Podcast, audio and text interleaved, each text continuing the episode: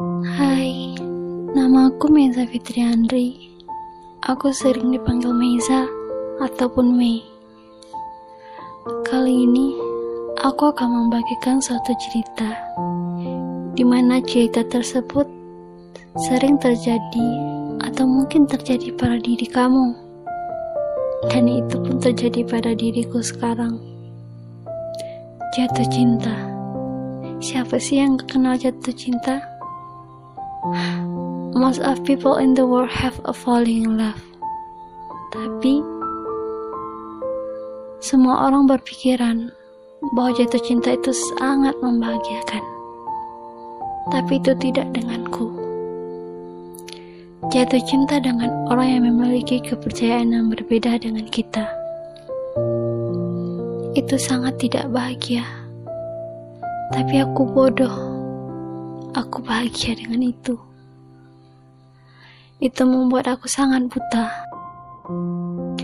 Cerita ini berawal dari dunia virtual melewati aplikasi Telegram. Di mana aplikasi ini sangat digandrungi oleh semua anak-anak zaman sekarang. Awalnya, aku hanya berniat untuk mencari teman di luar daerah yang aku tempati.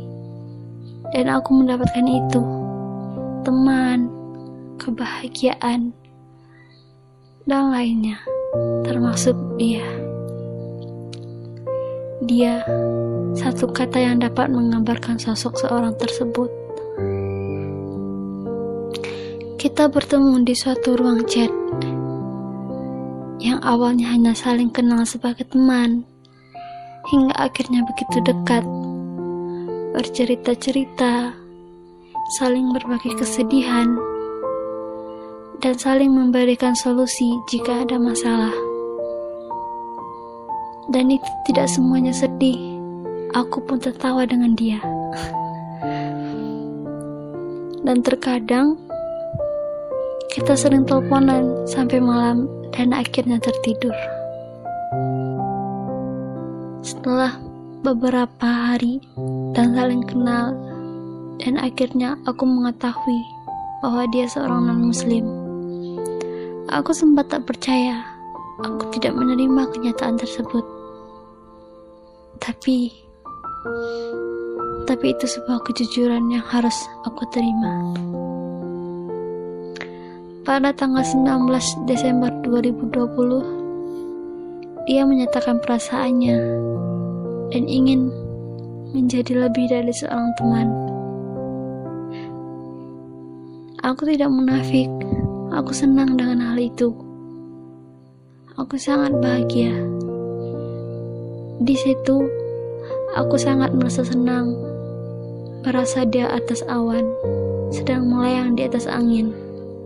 Perut aku seperti adanya kupu-kupu, tanpa memikirkan dia seorang non-muslim. Dan dengan bodohnya, aku membiarkan dia masuk ke kehidupan aku.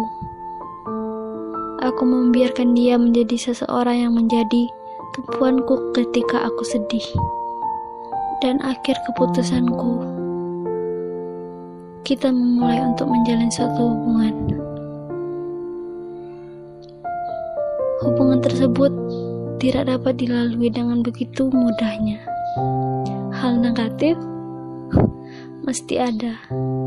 Di mana ada perbedaan pendapat, apalagi kita yang seperti ini. Tetapi di samping itu, aku sangat bersyukur bisa mengenal dia. Dia merupakan laki-laki yang sangat lembut, penyabar, dan mampu memahamiku dengan baik sesudah keluargaku. Tetapi sekali lagi, Aku bersyukur dengan adanya dia dan adanya hubungan ini. Dia mau belajar menjadi seorang muslim. Walaupun niatnya tidak 100%. Tapi tapi saya sangat menghargai itu. Dan ini sebetulnya saya serahkan kepada yang di atas. Apakah kisah ini bakalan diakhiri dengan happy ending ataupun sebaliknya?